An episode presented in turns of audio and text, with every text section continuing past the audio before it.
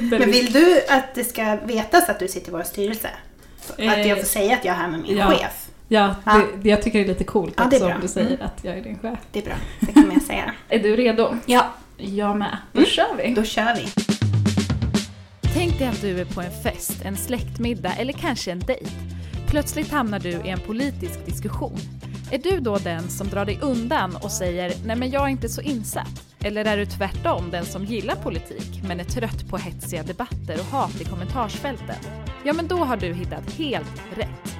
Jag heter Kattis Folkesson och jag är politiker. I den här podden så träffar jag gäster som gör någonting helt annat än vad jag gör. Och vi pratar om hur politiken påverkar dem och din vardag.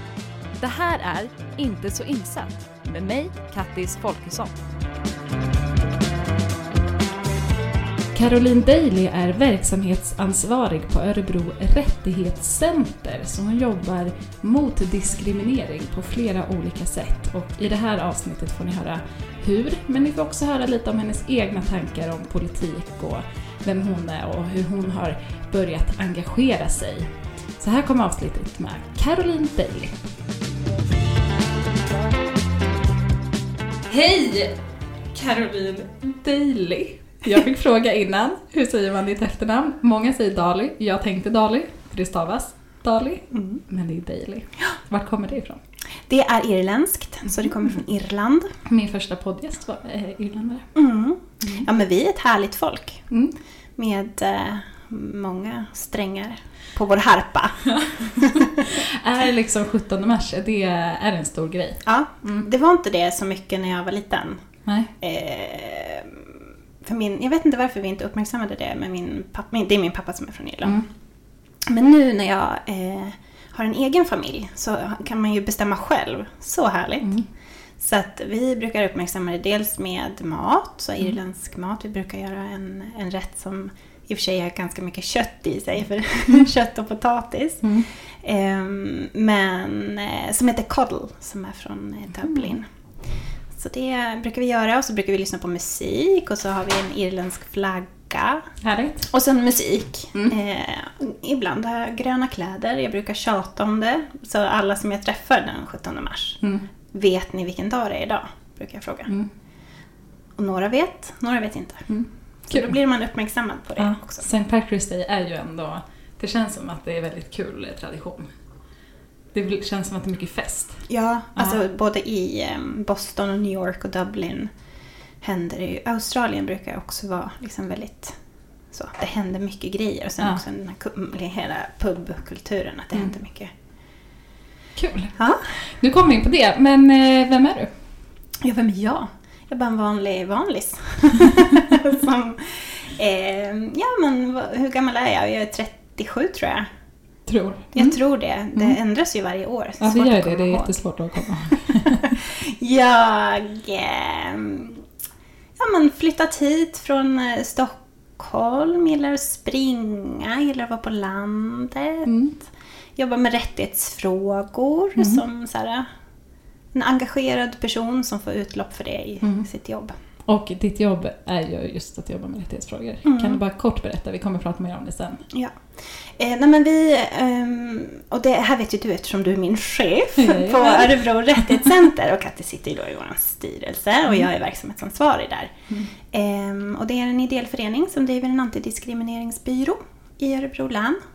Jobbar med kostnadsfri juridiska rådgivning till personer som blivit utsatta för diskriminering och jobbar förebyggande mot diskriminering också. Bra, vi stannar där. Vi kommer in mer på det Ja. sen. Först och främst eh, vill jag, nu har jag redan frågat typ 100 frågor innan jag säger första frågan. Men i alla fall. eh, politik. Mm. Om du hör det ordet, vad tänker du då?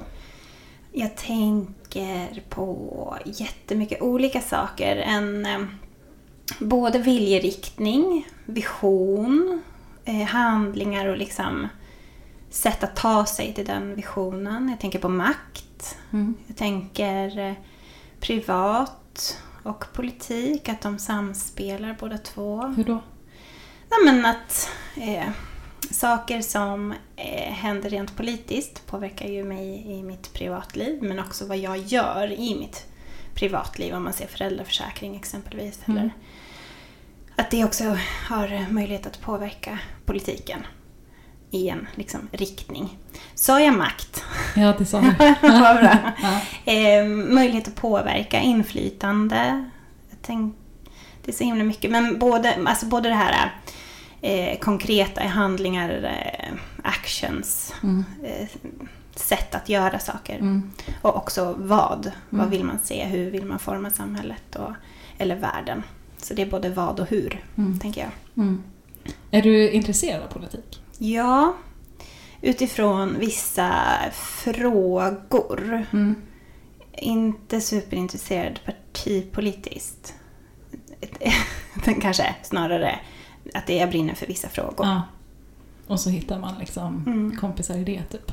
Mm. Eller, ja men precis. Vad, Vem som enligt både det här vadet och huret, Mm. vad kan jag identifiera mig med? Mm. Eller eh, vad vill jag rösta på? Mm. Eller Mm. vad vill jag engagera mig i? Mm. Jag får bara backa lite. Jag fastnade i mitt huvud när du sa så här att politiken påverkar dig privat. Mm. Kan du ge något exempel? Alltså jag hatar när folk säger på studs, ge mig ett exempel. Min psykolog gör det hela tiden. Det är jättesvårt att komma på, så du kanske inte kommer på. Men jag tyckte det var så, så kul att du sa det. Ehm, jo, men jag kommer ju från den feministiska rörelsen Mm. där man eh, också har en, liksom en maktanalys på vem som eh, drabbas eh, inom citationstecken eller vem som eh, ja, men blir utsatt eller vem som, vem, ja, men vem som drabbas av vissa politiska beslut och hur det faller olika ut beroende på vem jag är eller vilka identiteter jag, jag har. Så att, ehm, ja, men om man ser på föräldraförsäkring, nu har jag barn, Mm. så att eh, det är ju en sån grej som på senare år har börjat blivit liksom, politik på riktigt. Att det som har diskuterats, som vi sitter nu runt ett liksom, middagsbord, har blivit liksom, mer angeläget rent partipolitiskt också. Att det jag och min partner bestämmer om hur vi vill fördela eller föräldraledighet, att det Mm. påverkar också eh, exempelvis kvinnor då på populationsnivå eller Mm. möjligheter på arbetsmarknaden och Mm. sådana delar. Vad har du gjort eh, tidigare? Du säger så här, jag kommer från den feministiska rörelsen. Vad är den feministiska rörelsen för dig? Det är en, ja men som jag sa, en viljeriktning. Om man Mm. tänker att, att det är politik då. En, en viljeriktning. Att hur man vill se verkligheten eller hur man kan och vill påverka eh, sitt liv och, och, och andras liksom, liv genom samhället. Ehm, jag försöker tänka på några konkreta exempel på så här, här har jag engagerat mig. Men, men, eh, Jag vi kan, inget. men vi kan väl prata lite om den feministiska rörelsen i sig, för att jag tycker ändå den... eh, Alltså det är intressant när, när man pratar om det, för att jag tror att många har olika bild av vad den feministiska rörelsen är. Mm. Eh, beroende på var man själv liksom kommer ifrån, vad man har för fördomar, vad man har för perspektiv. Så säger du feministiska rörelsen till en person så kanske den tänker något och säger du till en annan person så tänker den någonting helt annat. Mm. Eh, så. så det är kanske är därför jag frågar så här, Mm. vad är feministiska rörelsen för dig? Till exempel, Ja. nu har det ju varit på sistone en ganska stor debatt kring så här, kön och Mm. vad är kön? Mm. Och där har det blivit en ganska eh, så här, stor reva i liksom, olika läger i Mm. den feministiska rörelsen. Att är, det, är den feministiska rörelsen de som kämpar för liksom, det biologiska könet Mm. kvinna eller är den feministiska rörelsen de som kämpar för liksom, identitet, den liksom, personliga identiteten kvinna? Alltså det är lite sån debatt har det blivit. Mm. Har du följt den? Jag har inte följt den mer än i liksom mitt arbete. Mm. Så. Ehm, och där... Det var en jätte, jag lyssnade på en jättebra, eh, ett jättebra panelsamtal med en representant från RFSL, Mm. eh, Edvard Summanen Mm. och eh, Märta Stenevi och Som är en, jämställdhetsminister Precis, och. Mm. en person från, jag tror att det var Centerpartiet, jag har tappat personens namn, som modererades av Hans Linde. Det är en jättesårig debatt som, eh, som har satt, men som du, som du är inne på där, ett sår och eh, har visat en, eh, ja, men ett fult tryne upplever jag. Att så här, vi, vi behöver ha flera tankar i huvudet samtidigt. Mm. Eh, och den enas rätt att identifiera sig själv handlar inte om att ta bort frågan från en annan. Liksom. Mm. Utan vi, vi behöver kämpa tillsammans. Mm. Bra sagt. Mm. Det var ju bra att chefen sa det. Ja, jag, det roliga är att jag tänker så här, ersättare i styrelse, jag ser inte mig själv som din chef. Liksom. Det är du som är boss i Örebro Rättighetscenter. Ja, nej. Var kommer det här eh, det feministiska engagemanget ifrån? Du, jag fick Egalias döttrar Okej. när jag var 12 år. Ja, du- Eller om jag snodde den. Ja. Ja. Eller min mamma hade den. Jag hittade den i en bokhylla. Och Mm. vi hade inte jättemycket böcker liksom så. I stora bibliotek hemma hos mig. Men jag tror att den var typ röd. Och så Mm. den var, stod ut. Och så läste jag den. Och då vaknade jag. Om jag var 12 eller 11. Alltså det var liksom ung. Ehm, Det är kanske inte alla som vet vad det är. Vem, vad är det för bok? Det här borde jag ju veta. Jag har tappat författaren. Men det är en bok som... Det är typ... Det var länge sedan jag läste den i och för sig. Men det är liksom, den, vänd, den vänder på perspektivet. Att så här, typ, eh, kvin, kvinnor är de som är gravida. Därför ska alla män göra X, Y, Z. Och det här var en jättedålig beskrivning av den. Jag kommer få arga mejl om Galias döttrar. Men, ehm, men den så här vände på eh, liksom, mäns position blev kvinnors position Mm. helt plötsligt. Och då blev det som att så här, jag öppnade ögonen Mm. bara. Mm. Men jag har obs, sto, stor disclaimer, jag har inte läst den på jättemånga år. Nej, jag har inte läst den alls. Vet det, det är därför jag inte kan hjälpa Nej, dig här. nej, men eh, jag rekommenderar en, en snabb googling Ja. om man inte känner till. Ja. Men eh, det var där det började för mig. Men Mm. då, jag var länge sedan jag läste den. Så jag vet Mm. inte exakt. Men då fick du liksom upp ögonen för Mm. att så här, det ändå är det finns en skillnad mellan eh, könen som Mm. är... Ja, och också att jag blev ofta tillsagd i skolan att eh, vara mera tyst. Mhm. Eller inte ta en lika stor plats som jag kanske gjorde. Fast pojkarna i klassen fick inte det. Okej. Eh, och jag vet inte, vi har alltid haft ett stort så här, eh, rätts, liksom, rättvisepatos. Ja. Det ska mätas saft i glas. också Ja. från barndomen. Så här, det ska Ja. vara rättvist. Ehm, och då när det inte är det så blev jag arg. Mm. Och då när jag kände mig orättvist behandlad och kunde koppla det då till att så här, vänta nu. Varför blir jag tillsagd men han blir inte det? Då började det där tror jag. Mm. Fint. Mm, och Ja. sorgligt också. Ja, tänker jag. Att, att när man är så liten få det... Nu, mina barn vet ju eh, vad rättvisa är och vad Mm. jämställdhet är eller Mm. vad feminism är och så. Mm. Jag, fick, jag fick det nog, men jag har nog inte eh, kultiverat det liksom mer än i min, alltså själv. Mm. Jag har liksom skapat mitt sammanhang. Mm. Jag tänker så här, vem var du i skolan då? Om det var så, du var den som pratade mycket och tog mycket plats då? Mm. Ja, men jag var jättejobbig tror jag. Eller, nej men jag var nog, jag är, ehm, jag tror eh, den, det ord som oftast har använts är så här sprallig. Ah. Mm. Och det tänker jag också i min roll som verksamhetsansvarig på Mm. Örebro Rättighetscenter. Mm. Att det är inte den bästa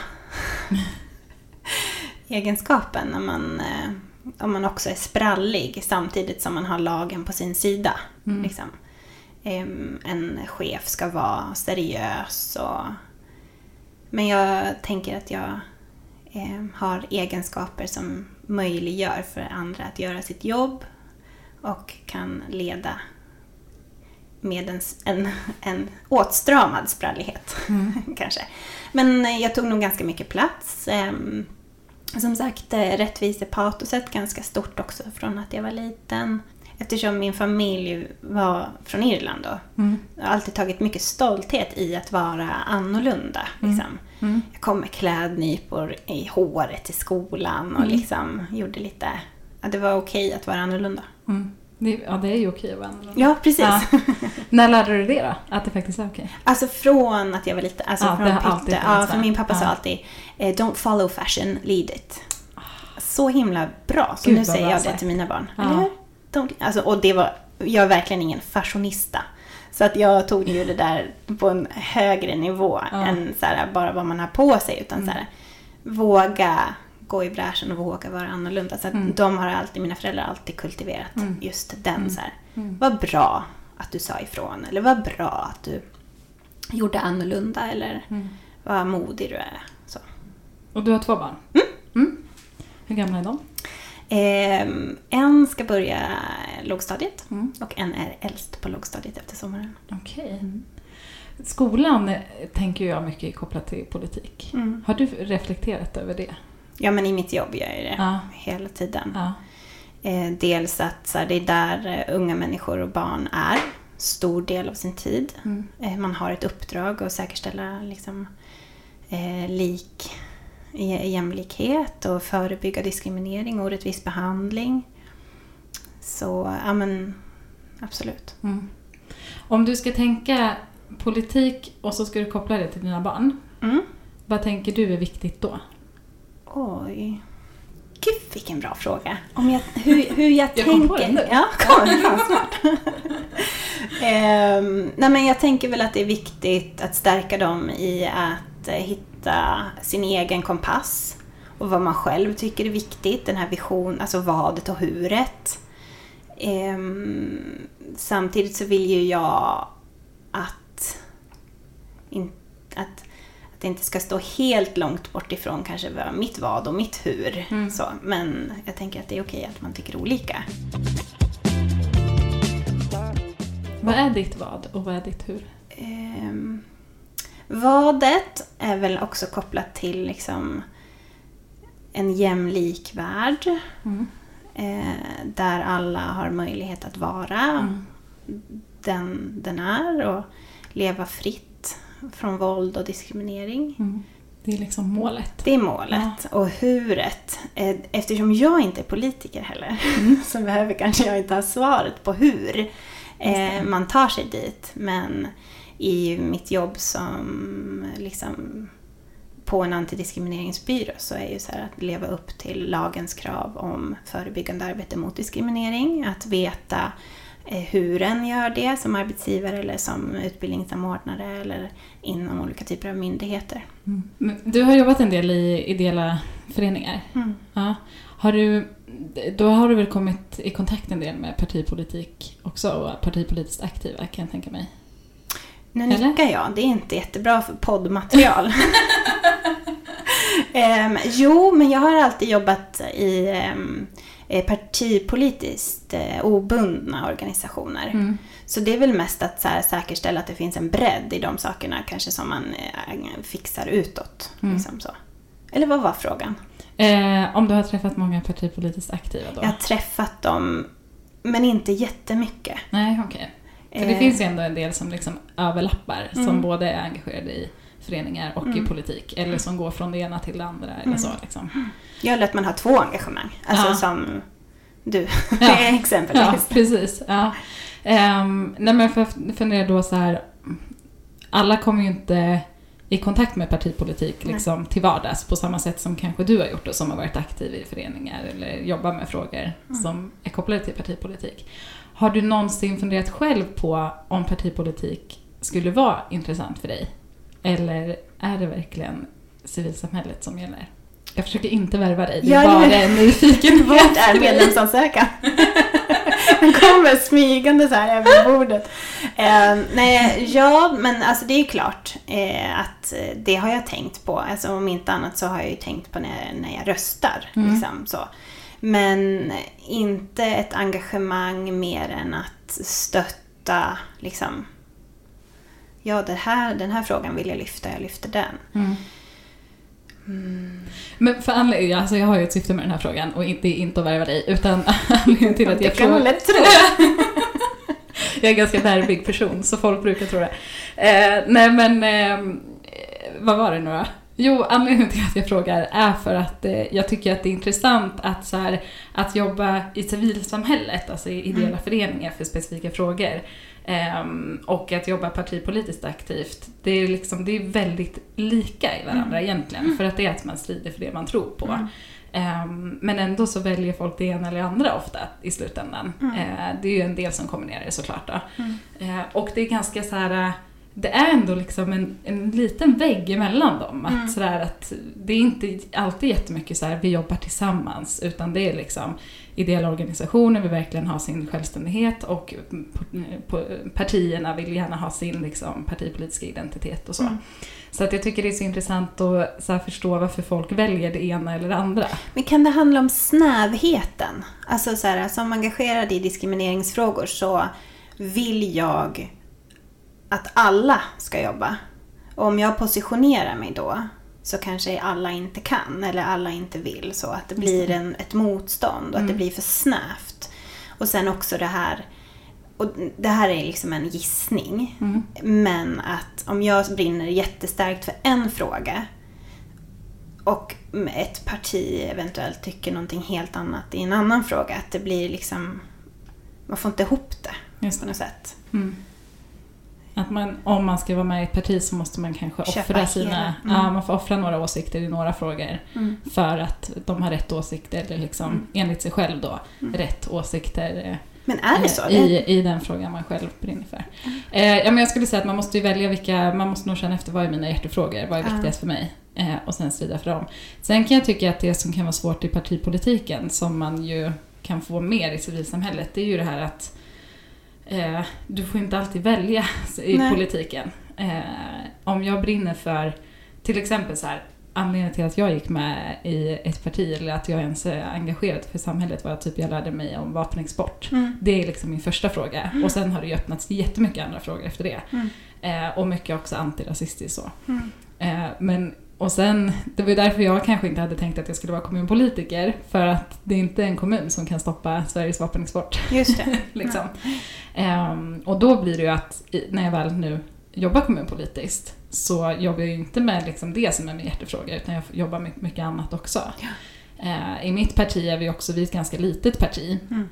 Så där är det, vi har inte liksom massor av företrädare i olika frågor och man kan välja bara det man brinner för. Nej. Utan man måste ha lite koll på allt. Ja. Speciellt i min roll som kommunalråd. Ja. Det är ju samma som i riksdagen, jag menar den riksdagsgrupp vi har nu. Ja. Eh, Efter valet när de skulle sätta sig och fördela, för det är ju massa utskott i riksdagen. Och man måste ju ha någon i varje utskott så att man har koll på alla frågor som grupp. Eh, Problemet var ju bara att typ hälften av gruppen vill ju sitta i miljöutskottet. Just. Hur gör man då? Ja, vad gjorde ni Liksom, då? när det, nej men då får man ju, alltså de har ju sin, de har ju sin process med en valberedning och så är det ju en som sitter där som ordinarie liksom, och sen eh, har man ersättare och så. Så då är det ju många i den gruppen som kanske inte sitter i något utskott för den fråga de faktiskt brinner för allra mest. Eh, men de har ändå en politisk gärning och så får man försöka få in sina hjärtefrågor i det område man hamnar i. Liksom. Men kan det vara det då? Det kanske är det. Kompromissandet Mm. som är liksom...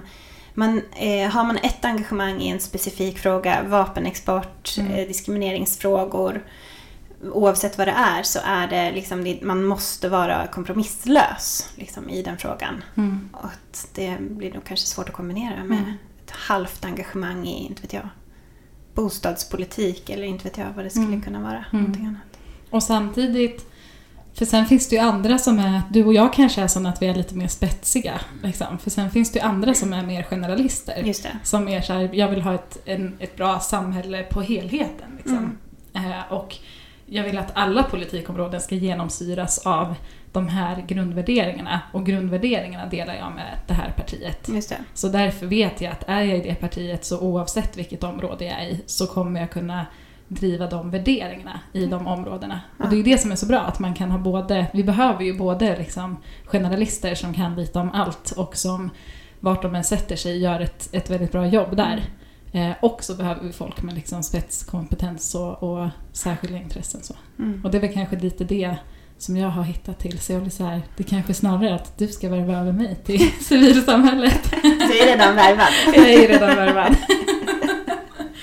Men om du skulle tänka i din roll som då verksamhetsansvarig för eh, en ideell eh, organisation. ehm, och du vill ju påverka politiken, det vill ju Örebro Rättighetscenter göra, bland annat. Vi kan prata mer om de andra delarna som Örebro Rättighetscenter gör, men bland annat är det ju opinionsbildande att påverka mm. politiken. Hur tycker du att, du då att relationen mellan liksom, civilsamhällesorganisationer, som mm. Örebro Rättighetscenter är, och politiken mm. ska vara? Hur den ska vara? Mm. Oj, vilken eh, bra fråga. Jag tänker inlyssnande. Eh, att politiken, att, att vi inom civilsamhället oavsett fråga gör jättemycket som eh, också är liksom bakom ridån. Som inte kanske är de frågorna som vi trycker på utan det här vardagliga arbetet. Att vi hjälper, stöttar, eh, har kunskap och kännedom om eh, viktiga teman och frågor och så som dyker upp för medborgare och invånare i vårt land. Eh, att lys- alltså, politiken då lyssnar in eh, och möjliggör för att vi ska liksom ha goda förutsättningar att bedriva den verksamhet som behövs. Ehm, så att en, ett inlyssnande, vad kan det mer vara? Att eh, inte bara förstå hur situationen ser ut utan också ta in, ja men eh, det kan ju vara en form av remiss eller dialogsamtal och sådär. vi tänkte gå hit. är det en bra idé? Vilka konsekvenser, vilka risker ser ni med det? Att det finns också en, ett inlyssnande men det är väl mer en spetskompetens då att, för att eh, minimera risker eller att ta in kompetensen som mm, finns. Mm. Precis. Expertkunskapen. Ja. Mm. Och sen också tänker jag eh, stå pall. Mm. Vi, vårt uppdrag är ju också liksom watchdog, att hålla koll så att eh, ni eller politiken gör mm. det som är sagt att göras. Och när det inte gör det, lyssna in då ändå igen. Att strama upp er eller har ni tänkt på det här? Eller så. Mm. Oj. Mm. Nu är det dina post-it-lappar här. Mina lappar. det låter som att jag har eh, fått frågorna i förväg. Jag, är väldigt inte. sugen på att veta. Så här, ja, men det stod liksom, så här, för det här med politiken visste jag att vi skulle komma in ja. på. Så här, en, två tankar om ja. Finns de där? Har du sagt dem än eller kommer du vilja säga Nej, jag har sagt dem. Du har sagt dem? Underbart. Då fick du med. Är du en sån person som gärna gillar att förbereda dig? Absolut. Ja. Det är apropå eh, saker en är bra på. Mm. Mycket bra på förberedelser. Mm. Och sen njuter jag. Jag riktigt njuter när det går som jag har planerat. Mm. Men alltså, jag tänker att det också finns en... Oj, det, jag blir inte jätte liksom, så slagen ur spel om det inte går precis så som jag tänkt mig. Men jag vill gärna ha all my ducks in a row. Ja. Och vad händer om det inte går som du har planerat då? Det beror helt på. Gäller det liksom, ja men typ om en, eh, en planeringsdag inte går precis som jag hade tänkt, ja, ja men då är det någonting annat. Det fanns ett syfte med varför det blev som det blev. Mm. Vi kanske behövde stanna vid en fråga, vi kanske behövde gå en annan väg för att komma till det. Men typ när jag packar inför att åka till landet, då blir jag liksom tokig om det inte går som jag har tänkt. Eller kan, det kan sätta sig och störa mig jättelänge. Medan typ på jobbet är det mer så här, men finns en flexibilitet. Mm. Packningen till landet. Mm, den, den raka ja. handled. Ja. Liksom, det måste gå som ja. jag vill. Ja. Jag tycker du, du är väldigt bra på att förklara vilka gester du gör mot mig muntligt också. jag försöker syntolka mina ja, det är gester. Bra. Det är jättebra. Du lyssnar på Inte så insatt med mig, Kattis Folkesson. Jag har en liten frågeskål. Mm. Mm. Det kan vara Oj. lite vad som helst. Ah. Jag tar upp en fråga ur den här och sen så svarar vi båda på frågan. Är det du som har skrivit frågorna? Eller det kan det vara. Ah, det, kan. det kan vara så att jag också typ har ringt en kompis och bett om lite frågor. Mm.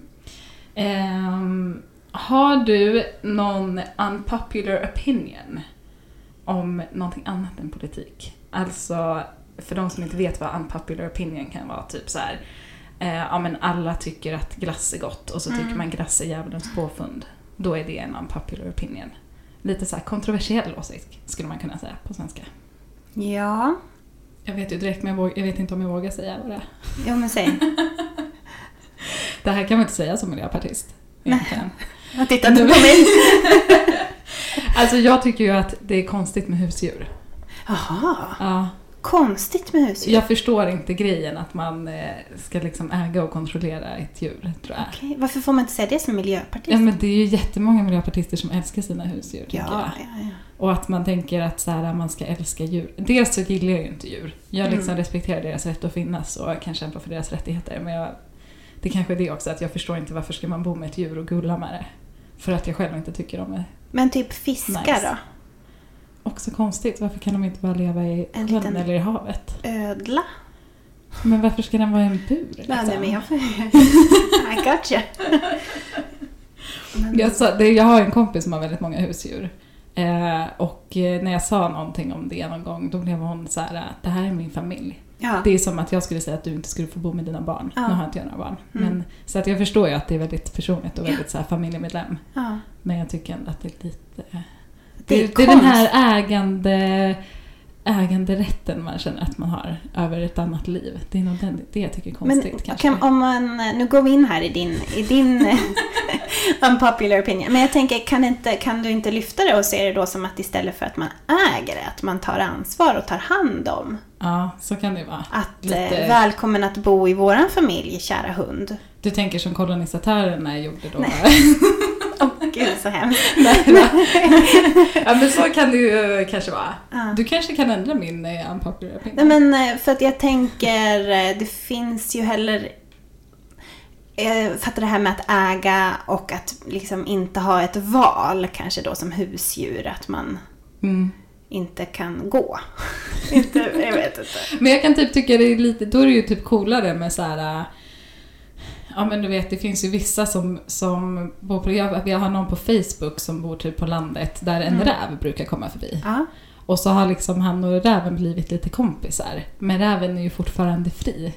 Och Mm. lever i skogen men han kommer och hälsar på och liksom får lite falukorv typ. Eller alltså Ja. förstår du? Det kan jag tycka är lite fint. Då känns det som att då lever man lite mer ihop. ja. Man Och det- väljer varandra. Man väljer Mm. varandra, exakt. Mm. Eller som katter som liksom kommer och går lite. Just det. Ja. Mm. Ja, men tänk att den åsikten, den kan man också ha.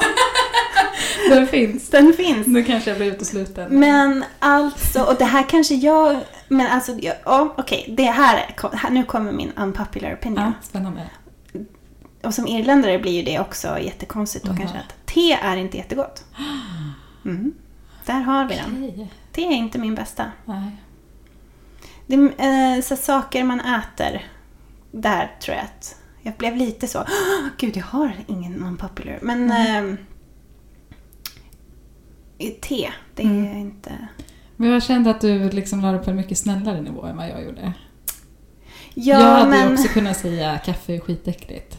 Okej då. Men okej, en till konsumtionsgrej då. Eh, Ja. Jag dricker inte alkohol. Ah. Eh, jag tycker inte så mycket om det. Att Nej. man gör det eller inte gör det. Mm. Men det är väl mer en unpopular action. Ja. För det är, alltså, alkoholnormen i samhället Ja. är jättestark. Det är den Det verkligen. blir alltid så. Inte illa ment eh, att man frågar varför jag inte dricker. Mm. Men det är ju definitivt en fråga jag får. Mm. Mer när jag var yngre. Mm. Jag hoppas att det kommer något så att vi känns lite trevliga istället. eh, nej, det gjorde det inte. Utan det kom, vad stör du dig på? Så att vi får fortsätta visa hur, eh, hur dåliga människor vi är. Jag tycker i och för sig så här, att inte gilla te och att inte dricka alkohol, det är ingen dålig människa. Jag känner Nej, mest att det är skönt. Kan inte du hitta något jättehemskt som du stör dig på då? Ja men eh, diskriminering. Låt Men- oss prata. Nu vart du för PK.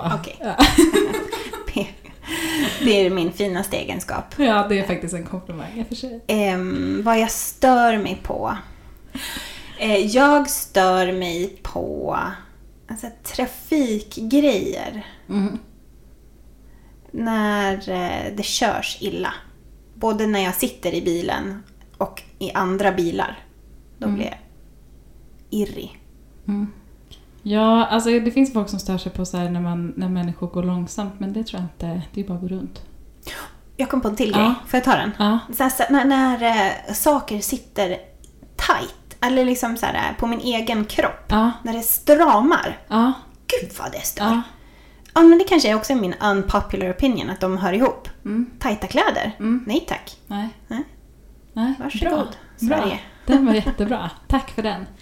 Eh, ja, men jag stör mig väl på... Eh, ja! Oh, nu vet jag precis vad jag stör mig på. Jag stör mig på när folk säger saker till mig som jag redan vet och inte då mansplaining-grejer, det kan jag störa mig på, alltså så här, när det är liksom kunskapsgrejer. Mm. Men typ som häromveckan så hade jag bränt mig. Mm. Klassisk grej när det, kom, när det liksom börjar bli soligt och sådär. Men så ska alla säga det till mig. Mm. Att nej men gud vad du har bränt dig, du måste ha solkräm på dig. Men kära vän, jag vet väl att jag har bränt mig. Det är min hud som svider. Och det är väl klart som fan att jag vet att man ska använda solkräm. Men nu gjorde jag inte det. Kan jag bara få stå för det här själv och liksom, det räcker ju med att jag förbannar mig själv för Ja. att jag inte gjorde det. Ja. Jag behöver inte tio till som ska förklara för mig varför jag ska använda solkräm och att jag borde göra det. Men sa du det till någon då? Ja, till slut sa jag, nu får du backa. Ja. Eller skärp dig eller något sånt där. Jag har en ögongrej som jag får ganska ofta. Aha. Och då blir det ofta så. Vad har du gjort i ögat? Mm. Det stör jag mig på också. Mm. Jag Ja, vet att jag är stör ögat. mig på det. Sluta säga saker man redan vet. Men jag tänker att det är av omtanke. Ja, men det, skitsamma. Mattis, du vet att du har bränt dig här va? Ja, det, det är väl klart jag vet det liksom. Eh, Det bara fortsätter nu. Vad gör dig arg? Oj, då ska vi se. Jag har tagit fram en powerpoint. Här tycker jag faktiskt ändå du kan få vara lite mer PK. Ja, eller, eller alltså koppla det till mitt jobb. Jag Ja. blir ju arg dagligen i mitt jobb för att Mm. folk blir så orimligt eh, illa behandlade och orättvist behandlade. Mm. Eh, på grund av eh, olika identiteter eller diskrimineringsgrunder. Så det blir jag arg på när man medvetet eller omedvetet gör skillnad på folk. Mm. Ehm, och hur en bemöter eller agerar gentemot olika personer. Det gör mig arg. Mm. Ehm, Det gör mig arg när man vet och kan göra bättre, men inte gör det. Mm. Det gör mig arg. Eh, Jag blir arg när, eh, både i mitt jobb men också privat, eh, när jag blir missförstådd. Mm. Att man tolkar det vi säger eller tolkar det vi gör eller det jag gör på ett sätt som, men, som det inte är menat. Utan snarare tvärtom, att man miss, missförstår medvetet eller omedvetet. Det kan ju vara mer störigt men då blir jag inte lika arg. Mm. Ja, ska jag fortsätta? Det var härligt att det, det är ändå mycket som kan göra arg. Ja, men det gör... Eh, jag blir arg när eh, jag också ser... Att när, när jag själv är en... Eller jag själv är en del av det. Alltså att man är liksom lite låst Mm. i ett system som eh, möjliggör för orättvisor eller omöjliggör för ehm, ett system som jag kanske som vit eh, gynnas av. Mm. Då blir jag arg. Mm. Jag blir arg när jag blir frustrerad och inte kan påverka fastän jag vill. Mm. Ja, jag känner vi här är vi väldigt lika. Mm. Jag, blir också, jag kan bli otroligt arg av orättvisor. Och så kan jag också bli väldigt arg när, när det finns personer som liksom medvetet spelar på orättvisor och eh, skapar orättvisor. Eh, och, som, och också när folk medvetet eh, missförstår och använder det som en del i sin retorik eller som en härskarteknik. Så Mm. att de vet precis vad jag menar men de väljer att eh, låtsas som att de missförstod mig. Eh, bara för att få fram sina poänger och så. Och de här sakerna är väldigt ofta ganska kopplade till varandra. Mm. Eh, men sådär, det är ju oftast i liksom, politiska sammanhang som jag kan bli arg, känner jag. Eh, och, eh, för där är det ju mycket så att man medvetet eh, vrider och vänder på saker till sin egen fördel. Så. Mm. I liksom privata sammanhang så är det mer som, där är människor människor på ett annat sätt tror jag. Eller så är det bara jag som är naiv. Men där kan jag ändå så här, vara lite mer så här, försöka förstå varför gjorde den så? Är det någonting i dens liv som inte funkar? Alltså, så. Även om jag såklart kan bli arg och ledsen på saker folk gör mot mig ändå. Men i politiken då kan jag verkligen bli så här riktigt förbannad. Mm. Eh, när man ställer grupper mot varandra Mm. helt i onödan. Eh, när man liksom spär på fördomar och rasistiska myter eller Mm. så. Jag, jag lyssnar på Ekot häromdagen. Och så spelar de upp ett litet klipp från Jimmy Åkessons eh, tal under Järvaveckan. Eh, och då hade han ju pratat om att sådär att Alltså han beskrev Sverige som ett land i förfall och att liksom Mm. gängen tar över och eh, vi har ingen kontroll Mm. över befo- alltså befolkningen eller alltså han, han, han, upp, alltså han målade upp Sverige på ett sätt som inte finns. Liksom. Som inte alls, jag kände så här, du snackar skit Mm. om mitt Sverige som är ett av världens bästa länder. Då eh, blev jag riktigt förbannad. Och när man ja, står och ljuger och målar upp eh, felaktiga bilder, liksom, då blir jag arg. Mm.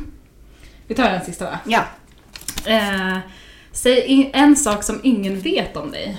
Alltså jag ingen sån, vet? Ja, jag, är sån, jag pratar mycket, jag berättar mycket saker för folk. Så att jag har så svårt, jag vet inte, finns det något som ingen vet? Den som minst folk vet. Ja. Jag kan säga en sak som folk som känner mig privat vet. Och det är att jag broderar. Så här, jag gör korssting. Aha, men gud, jag kan verkligen tänka mig det. Ja, kan man. Ja, ja. Jag eh, gör det ofta i, eh, när det är så här mästerskap på Aha. TV. För att jag blir så nervös. Okej. Eh, Ja. så att jag kan inte titta på det. Utan då behöver jag ha händerna sysselsatta med Ja. någonting. Så fotbolls-EM i sommar, då kommer du sitta och Verkligen. brodera? Japp. Mm. Ja, jag gillar Patrik Isaksson. Det folk inte vet. Ja, Ja, nej det visste jag. Men jag känner inte dig så bra. jag gillar låtarna. Ja. Ja. Också från Örebro. Men är han från Örebro eller det inte att han har till. flyttat till Örebro? Ja. Men vi kanske vill säga att han är från Örebro. Eller så säger man bara Örebroan. Ja, Örebroan. För det är ju, nu har jag flyttat hit. Poddgäst. Mm. I'll try my best. Någon som har ingångar. Alltså jag kommer, är, jag kommer inte kunna ställa några frågor. Jag kommer bara sitta och Kan liksom så här, sång Patrik? ja, Snälla sjung tillbaks där ute. Men här är en shout-out till Patrik. Kom och gästa Kattis podd. Ja, och så sjunger vi några låtar ihop. Ja, Because I live. like your music. Nästa livepodd. blir panel om diskriminering och musical guest. Yeah. Och där tyckte jag du bryggade över bra till det här panel om diskriminering. Ja. Vi pratade lite kort om att Örebro Rättighetscenter har liksom en sån här opinionsbildande verksamhet. Men Ja. ni har ju en ganska annan stor verksamhet. Berätta mer om vad ni gör. Vi jobbar med, ehm, både med diskrimineringslagen utifrån liksom två, tre ben. Då. Du har varit inne på det, det tredje, att vi jobbar med opinionsbyggande eller med påverkansarbete. Och de andra delarna handlar om att vi eh, jobbar eh, förebyggande, alltså kunskapshöjande aktiviteter, informationsspridande aktiviteter om eh, förebyggande verksamhet mot diskriminering. Men också att om det är så att man blir, eller man blir utsatt för diskriminering eller kränkande behandling eller någon orättvis behandling och är lite osäker på kan det här vara diskriminering, diskriminering eller inte så kan man komma till oss för kostnadsfri juridisk rådgivning och eh, hjälp och stöd eh, för att ja, vad skulle kännas som en upprättelse för dig? Är det, eh, ibland är det en ursäkt, ibland är det att vi vill att klienter vill driva i domstol, eller ibland är det diskrimineringsersättning. Så det är, liksom, det är lite olika. Så himla viktig och bra verksamhet. Ja, jag tycker ju det. Ja, ja men jag tycker också det.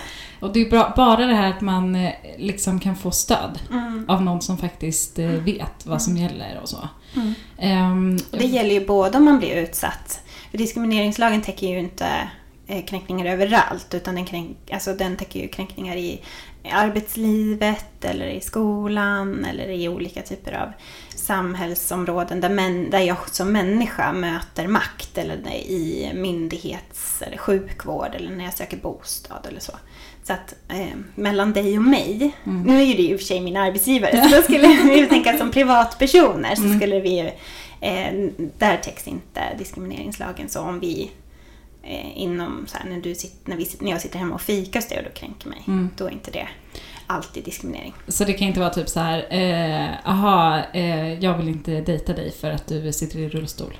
Då är det Nej. inte diskriminering. Nej, Nej. utan ehm, det behöver vara inom en kontext som eh, lagen skyddar då, då som jag sa arbetsmarknad eller arbetsliv, eh, skolan och högskolan, universitet och förskola och så. Och sen ehm, inom liksom, där människan möter samhället. Mm. Kan det vara vid bostadssituationer också? kan vara absolut. eh, när du söker en bostad exempelvis. Eller om du handlar varor och tjänster eller om det sker någonting i en butik. Mm. Från då en person med, eh, som arbetar där. Om jag handlar i en butik. Ah, Okej, så om en annan kund gör någonting så är är det inte... kan, då är det inte alltid liksom, Mm. möjligt att, att eh, det kan ju vara inom en ett annat lagrum kan ju täckas. Eh, det beror lite på vad som, som har hänt. Mm. Men för att det ska vara diskrimineringslag så behöver det vara liksom en maktobalans. Nu gör Mm. jag liksom gester med armarna här Ja. som inte syns. Men en, ehm, en, det behöver finnas en, liksom en maktobalans där Mm. och det behöver leda till ett missgynnande. Att jag som person har blivit sämre behandlad kopplat till någon av diskrimineringsgrunderna då, som är sju. Sju. Mm. Oj, nu, man ser blicken på dig att du vill att jag ska säga dem nu, att du vill testa mig här. Eh, Okej, kön, Japp, ålder, japp. eh, sexualitet. Jag vet inte exakt hur det Sexuell står. läggning. Sexuell Mm. läggning. Yes. Eh, och eh, sen funktion. Funktions, eh, I lagen står det funktionsnedsättning, vi brukar säga Ja. funktionsvariation. Ja. Mm. Just det, för det är om man blir diskriminerad på grund av Yes. att ens kropp fungerar på ett visst sätt. Mm. Eh, och sen, eh, alltså jag tänker när det är rasism, undrar vad det står för ord. Är det typ etnicitet? Etnisk tillhörighet, stämmer Etnisk bra. tillhörighet. Vilka har jag sagt nu? Eh, det är alltid så svårt när man ska Ja, rada upp. Det är som att man ska räkna upp så här, vilka går i en klass och så glömmer man allt namn. Eh, men nationalitet, är det också en egen? Det är etnisk tillhörighet. Det tillhör Mm. etnisk tillhörighet. Men det känns som att det är något alltså sexuellt uttryck, alltså det är inte bara läggning och så. Könsidentitet och Köns- könsuttryck. Ja, för då är det en egen. För kön är mer mellan könen. Mm. Men, och könsidentitet är... Okej, så då är vi uppe i sex stycken. Mm. Det känns som jag missat en viktig. Eller alla är ju viktiga. Men det känns som jag missat någon som är så uppenbar. Den är uppenbar. Religion och Ja, annan såklart. trosuppfattning. Såklart. Den är väldigt uppenbar. Ja, Ja. ja. det är de eh, som... Man får inte bli missgynnad i någon av de här områdena då, som jag har pratat om på grund av någon av de här delarna av Mm. ens identitet. Mm.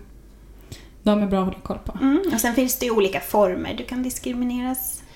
Eh, alltså olika handlingar som leder till, till diskriminering. Alltså olika sätt du kan bli diskriminerad på. Det är Vad det sex vara? stycken. Ja, men det kan vara direkt diskriminering där du eh, och jag eh, där utfallet blir olika för att du är du och jag är jag. Mm. Till exempel, jag är tjej, jag får sämre betyg bara för att jag är tjej, Mm. exempelvis.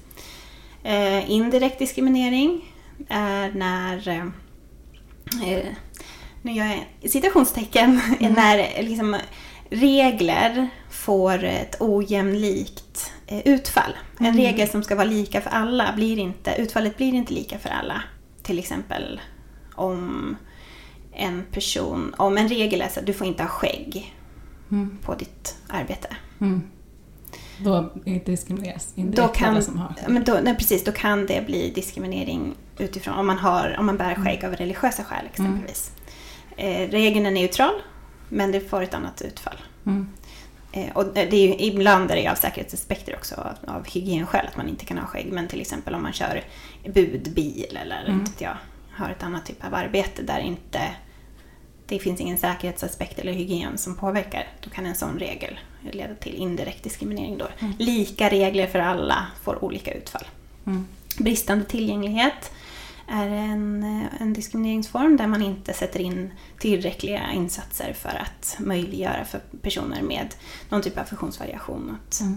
att eh, Typ om det saknas en ramp eller... precis, Mm. hörselslingor eller Mm. tolkbehov. Mm. Ehm, sen, vad sa jag nu? Jag sa direkt, indirekt, bristande tillgänglighet, Mm. Eh, trakasserier. Mm. Sexuella trakasserier är också, alltså trakasserier är en form, sexuella trakasserier är en annan form. Mm. Och eh, upp, eh, uppmuntran, eh, instruktion att diskriminera är den sista Aha. formen. Vad Så, kan det eh, vara? ja, men det kan vara typ om en ordningsvakt eh, på en krog får uppmaning att du får inte släppa in eh, öppet homosexuella par som håller varandra i Ah, handen. Eller Okej. Eh, av, du får inte släppa in svarta personer. Eller, Mm. Vilken är den vanligaste diskrimineringsgrunden som ni får jobba med? Alltså vad söker folk mest hjälp för? Det är oftast ehm, ehm, Och där tror jag att det ser likadant ut på, om man tittar på DOs statistik, som, Mm. alltså Diskrimineringsombudsmannens statistik, eh, etnisk tillhörighet. Okej. Mm. Eh, Och det är ofta i arbetslivet, så den, det området, diskrimineringsområdet, som är eh, mest vanligt. Eh, också bristande tillgänglighet, alltså funktionsnedsättning som diskrimineringsgrund och eh, skolan också. Mm. Att man inte sätter in tillräckliga åtgärder för en person som har dyslexi exempelvis. Mm. Så typ funktionsvariation och etnisk tillhörighet Mm. vanligast. Mm. Mm. Vilken diskrimineringsgrund tycker du är liksom svårast att jobba med?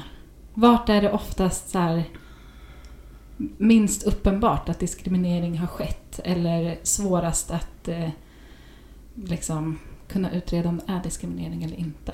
Typ. Det kanske inte finns någon sån. Jo, eller det är väl snarare att leda i bevis att diskriminering har skett. Mm. Men ehm, den, den grunden som får in eh, minst anmälningar också till Diskrimineringsombudsmannen är ju könsidentitet och eh, könsuttryck. Okej. Det vet inte jag om det beror på, eller det är garanterat inte liksom beroende på att det inte sker diskriminering mot Mm. eh, personer som eh, liksom rör sig inom ramen för den diskrimineringsgrunden utan snarare kanske att man har låg kännedom om ens rättigheter. Att här, jag har rätt att inte bli utsatt för eh, orättvis behandling. Mm. Så att det mycket handlar om brist på kunskap både hos skyldighetsbärare, alltså de eh, aktörer i samhället som har en skyldighet att inte diskriminera. Mm. Och rättighetsbärare, alltså du och jag eller människor som har rätt att inte bli diskriminerade. Att det är låg kunskap om ens rättigheter och ens ansvar att inte diskriminera. Mm. Hur tycker du att man på bästa sätt kan förebygga diskriminering? Då? Man kan ta hjälp av oss exempelvis. Ja, Men att öka sin kunskap om så här, vad säger diskrimineringslagen och vad måste jag göra som arbetsgivare eller utbildningssamordnare. Eh, Det är eh, förvånansvärt hur lite kunskap som finns. Ehm, Och också att jobba med liksom, normer, jargonger, att ha ett att, att, att hålla upp en spegel för sig själv och sin verksamhet. Att vad möjliggörs för inom ramen för vår verksamhet? Vad finns inte här? Vilka normer styr? Vilka normer påverkar vårt arbete? Och vilka exkluderas eh, från vår verksamhet? Så att, att jobba, att ta hjälp, hålla upp en spegel för sig själv och vad, vad ser vi här egentligen? Och sen jobba liksom med eh, normförändrande arbete. Om man tänker på hur skolan är idag och att man liksom ändå försöker, har fått in i läroplanen att man ska prata om, om eh, liksom normer, genuspedagogik till exempel, och så. Tror du att det kommer bli bättre och bättre? Det är nu man drar fram sin dystopiska världsbild. Om det kommer bli bättre från vad det är nu? Mm. Ja du, jag tänker att förutsättningarna finns. Mm. Men att det också bygger någonstans på engagemanget bland, vi möter ju många eh, lärare, rektorer eller eh, kuratorer eller studievägledare som, eh, det heter inte det, det heter något annat. Men Mm. ja, eh, mä- människor som jobbar i skolan som har ett brinnande engagemang. Mm. Eh, och så faller den bort Mm.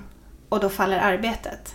Det behöver att- in mer i strukturerna. Mer strukturen av, eller, och systematisera arbetet och det finns det metoder för. Både i det förebyggande arbetet finns det någonting som heter eh, i diskrimineringslagens kapitel 3 om aktiva åtgärder. Att förebygga dis- diskriminering liksom årligen kopplat till alla diskrimineringsgrunderna och eh, att det ska göras systematiskt och man ska eh, liksom analysera, man ska utreda, analysera, åtgärda och följa upp och så. De struktur, strukturen finns men det är själva genomförandet av det som eh, är svårt. Mm. Och ofta möter vi att det, det handlar om några personers engagemang och det är inte hållbart utan det man behöver trycka in är ett, en systematik i hur, hur man jobbar med den här typen av frågor och hur man arbetar förebyggande. Mm. Ja, och här tycker jag att det finns ett problem i eh, politiken, på den politiska sidan, speciellt i Örebro kanske, att eh, man skär ju ofta ner på skolan. Mm. Eh, och när man gör det, alltså när jag har varit i kontakt med, med skolor så är det ju sådär, fortsätter man skära ner på skolan så kommer vi knappt kunna genomföra vårt grunduppdrag. Eh, vilket ju är att undervisa och se till att eh, eleverna uppnår målen i läroplanen. Just. Liksom. Mm. Så att så här, saker runt omkring Mm. eh, låter det ofta som så eh, när man pratar om det. Eh, hinner man inte med. Nej. Liksom. Och det är just därför det också är så viktigt att det sätter sig i strukturerna. Mm. Att inte till exempel jämställdhetsarbete till exempel, att det inte blir så här, nu har vi en temavecka. Nej, gud, utan att det hela Mm. tiden är med i verksamheten jämt. Mm. Ja, och Mm. att de personer i ansvarsposition möjliggör för dem som möter elever att de har rätt verktyg Mm. för att jobba förebyggande. Så att det dels är att eh, det beror lite på hur strukturen ser ut, liksom vilken skola det är. Men eh, att de i ansvarsposition möjliggör för ett arbete där man möter elever och som inte diskriminerar liksom så som system heller. Mm. Eh, och vi, möter, vi får ofta förfrågningar från engagerade lärare. Mm. Sällan. Men när det händer blir vi såklart jätteglada. Men så här, från rektorer, eller skolchefer eller där det kommer från ledning. Utan det är snarare att man kanske har sett problem i arbetsgrupp eller eh, ja, men vi har det lite jobbigt och stökigt i klassen. Mm. Och att vi, vi förstår ju då att ja, men, det saknas ett arbete på, eh, i ledningsnivå. Mm. Men vi får ofta möta där det då inom citationstecken är problem. Fast vi har en förståelse för att Mm. vi behöver jobba på ett annat sätt också. Skulle du säga att diskriminering mest sker på grund av enskilda individer som är elaka och diskriminerar eller som inte vet att de diskriminerar? Eller skulle du säga att det mest sitter i strukturer i samhället?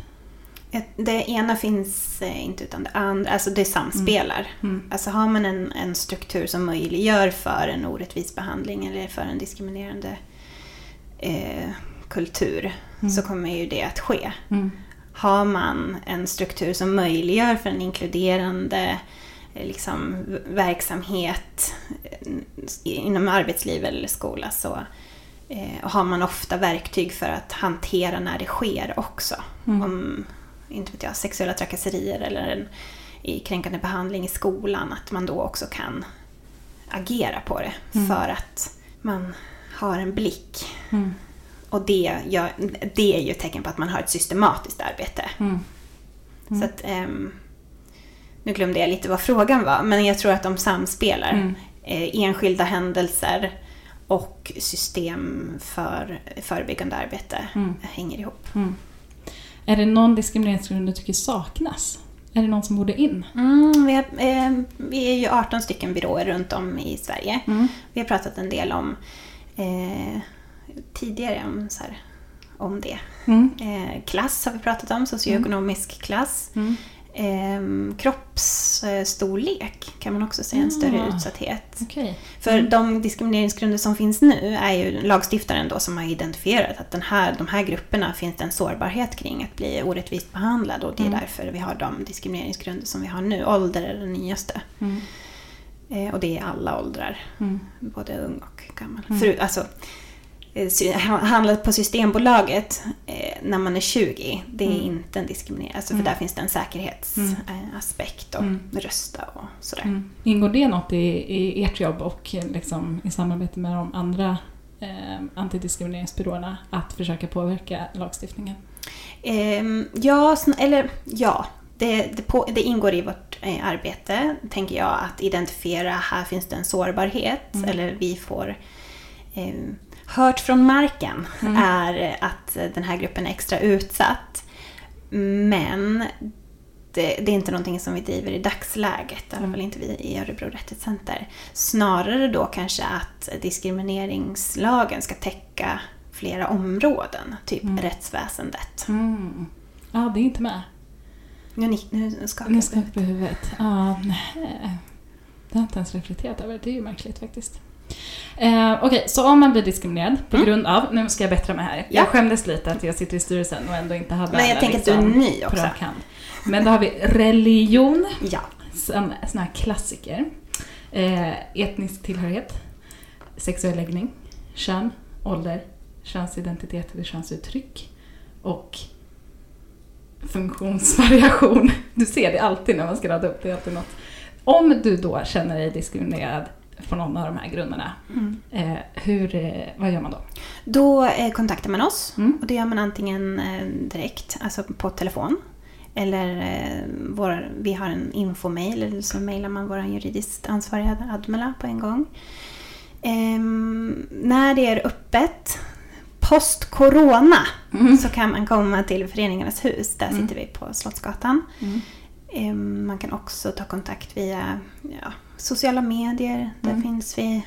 Och det finns en hemsida, Finns Örebro. Rättighetscenter, där står kontaktuppgifter. Ja, och också en, om man ehm, vill ha kontakt med oss eh, så kan man få det också via hemsidan. Mm. Man, kan, man kan också tipsa oss att så här, hmm, hallå, här har det hänt någonting. Mm. Eh, Då kan man vara anonym fast då är det svårt och vi ser gärna att vi eh, har någon att fråga mer frågor för det är väldigt sällan uppenbart exakt. Och om man ser någon annan diskrimineras, en Mm. arbetskamrat, en klasskompis eller något, då kan man också höra av sig även om det inte är man själv som har utsatts. Ja, precis. Eller många gånger är det så här, det här hände min mamma.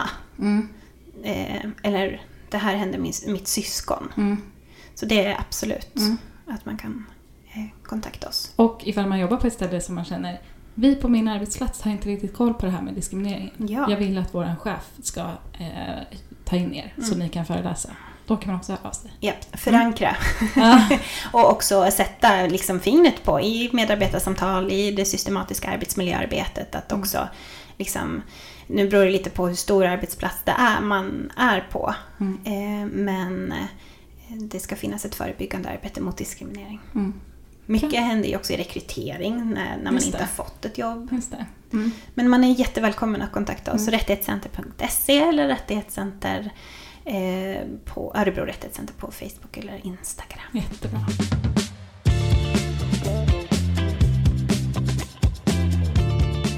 Då ska vi avsluta med en grej. Ja, Mm. Tänk snabbt. ja. Du kommer få det här eller det här. Åh nej. Och så ska du säga snabbt vilket av dem. Och det finns inte, man får inte utveckla sitt Nej, svar. nej, nej. Åh. Du bara väljer. Mm. Är du Mm. redo? Ja, och svettig blev jag. Läsk eller saft? Eh, Läsk. Eh, gym eller löpning? Löp. Örebro eller Stockholm? Stockholm. Landet eller stan? Landet. Dusch eller bad? Bad. Vilken är din favoritpodd? Inte så insatt. Eh, du ska få säga med en mening, Ja. så ska du svara på frågan varför ska man rösta?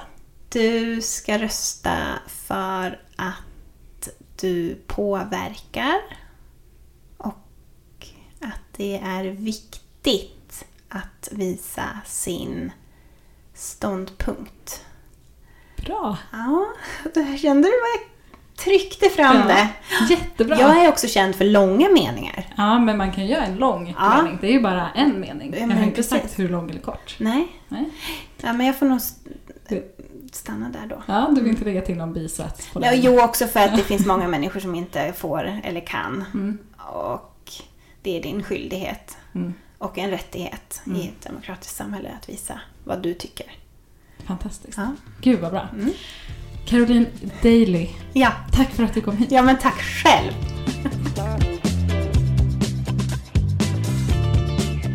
Ja men tack Caroline och tack Dermot, Marcus, Johanna, Lars, Freddy och Beston som också har varit med i den här första säsongen av min podd Inte så insatt. Carolines avsnitt var det sista på säsongen och nu önskar jag er en väldigt trevlig och härlig sommar och tipsa folk om att lyssna på podden i sommar ifall de inte har gjort det än eller lyssna på avsnitten en gång till eller tre gånger till. Ha en helt underbar sommar och jag hoppas att ni får lite semester. Tack för den här säsongen. Hej hej!